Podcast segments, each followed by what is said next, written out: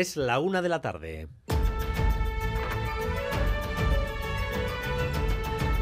Crónica de Euskadi con Dani Álvarez. A Ratzaldeón, el miércoles se cumplirá el centenario del nacimiento de uno de los artistas vascos más importantes de la historia, el centenario de Chillida. Desde esta semana se inician, por tanto, una serie de actos de conmemoración y divulgación de su obra y su legado. Esta mañana ha estado aquí en Radio Euskadi su hijo, Luis Chillida, sobre la huella que dejó su aita. Tener un tiempo, un año para rememorar, para recordarle, para poner de alguna manera toda su vida en, en, palabras, en obras. Claro, al final los, las personas nos vamos, pero algunos dejan una huella imborrable. El día del centenario es el miércoles, un día en que las instituciones recordarán a este guipuzcoano universal, Anegoñi. El Teatro Victoria Eugenia de Donostia acogerá el miércoles por la tarde un acto para recordar a Eduardo Chillida y por la mañana hijos, nietos y bisnietos harán una foto de familia en el Peine del Viento. Será el pistoletazo de salida a un extenso programa de actividades para las próximas semanas y meses. Este fin de semana, por ejemplo, se van a celebrar dos jornadas de puertas abiertas en Chillidalecu que con motivo del el centenario del nacimiento del artista, ha organizado 14 exposiciones y en los próximos meses la obra escultórica de Chillida se expondrá en Euskadi, especialmente en Guipúzcoa, pero también en varias ciudades del Estado y de otros países como Alemania, Chile o Estados Unidos. Además, Metro Bilbao cambia las frecuencias para adelantar los primeros trenes de la mañana y para aumentar las frecuencias a mediodía. Gorka Saavedra. Sí, la compañía aumentará las frecuencias los mediodías laborables, igualándolas con las frecuencias de primera hora de la mañana. El intervalo de los trenes con destino a Ibarbengoa y Cabieces mejorará de los 6 a los 5 minutos y el intervalo de los trenes que parten desde Bilbao hacia los municipios de ambas márgenes de la ría pasarán de los 3 minutos a los 2 minutos y medio. Además, otro cambio que favorecerá a los más madrugadores se adelanta la salida del primer convoy en ambas direcciones. El primer metro saldrá desde Echevarri en sentido Plencia a las 5.45 y el de sentido Cabieces saldrá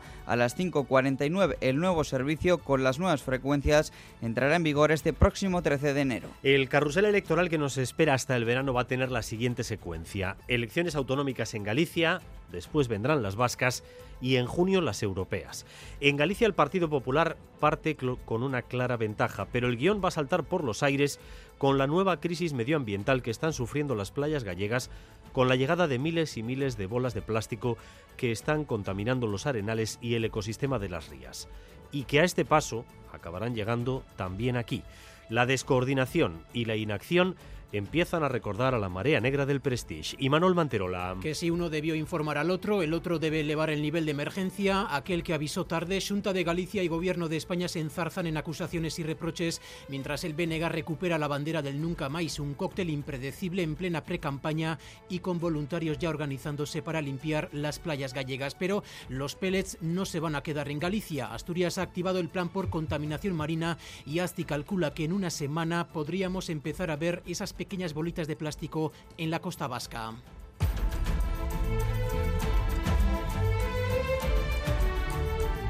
La ministra de Sanidad no convence a las autonomías en su intento de volver a las mascarillas obligatorias, aunque no tira la toalla. Sin embargo, esta situación de ansiedad permanente a que nos ha llevado la pandemia, en la que vemos una pandemia en cada pico epidémico, como ocurre ahora con las gripes de todos los años, la confusión se extiende sin freno y la propia ministra ha introducido otro elemento más, la autobaja de tres días para evitar el colapso en la atención primaria.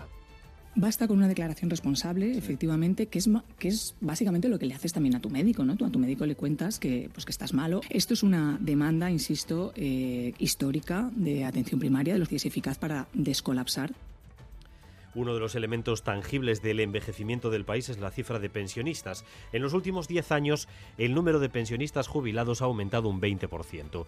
El proceso se acelera año a año y tiene otra nota de distinción. Con los salarios más altos, seguimos teniendo las pensiones más altas en comparación con el resto de comunidades autónomas. Xavier Madariaga. La radiografía que hoy nos hace ITV Data nos habla de unas pensiones que no hacen más que crecer en nuestro país. En la última década ha aumentado el total de las pensiones un 10%. En cinco años van a ser 30.000 más. Araba, Vizcaya y Guipúzcoa tienen el peor ratio de personas empleadas por pensionista. También tienen las pensiones más altas. Nos dejamos un 12% del PIB en pagar esas pensiones, mientras los países que nos rodean se dejan más del 13%. A todos estos datos les han puesto voz las invitadas de hoy en Boulevard.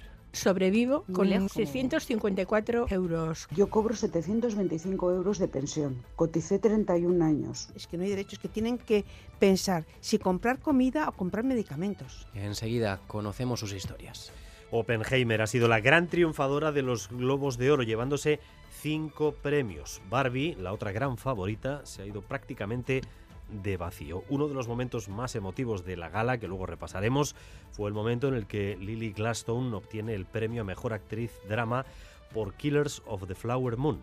Es la primera actriz indígena galardonada en los Globos de Oro y ha iniciado su discurso en la lengua de la tribu de los pies negros a la que pertenece.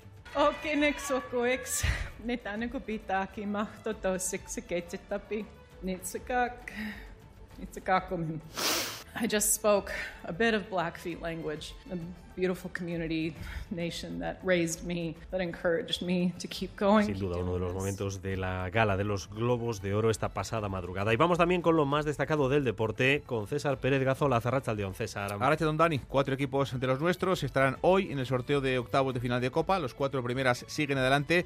El Deportivo Laves, que ganaba el sábado al Betis, eliminaba al conjunto bético. Osasuna, que dejaba fuera en la prórroga ayer al Castellón con gol de Arnaiz. La Real Sociedad que anoche y con poco brillo ganaba 0-1 en el campo del Málaga y el Atlético que con mucha autoridad y solvencia se imponía 0-3 en Ipuro Aleibar y Josep Echeverría con dos goles de Asterbia Libre y uno más del capitán de Munien. El sorteo será este lunes a partir de las seis y media de la tarde. Y en pelota, la Winter Series de esta punta, hoy nuevo encuentro, Erquiaga y Johnny Barlucea a los que les vale con hacer un set para medirse y meterse en semis, se miden hoy ante la Duche y Gorka. En el tráfico, precaución ahora mismo en la 8 en Bilbao a la altura de Basurto. Un vehículo accidentado ocupa el carril izquierdo en sentido Cantabria. A 8 Basurto sentido Cantabria. En cuanto al tiempo, seguimos con ambiente frío, temperaturas a la baja y por la noche se van a repetir las heladas especialmente en el interior. El Departamento de Seguridad volverá a activar el aviso amarillo hasta mañana por la mañana.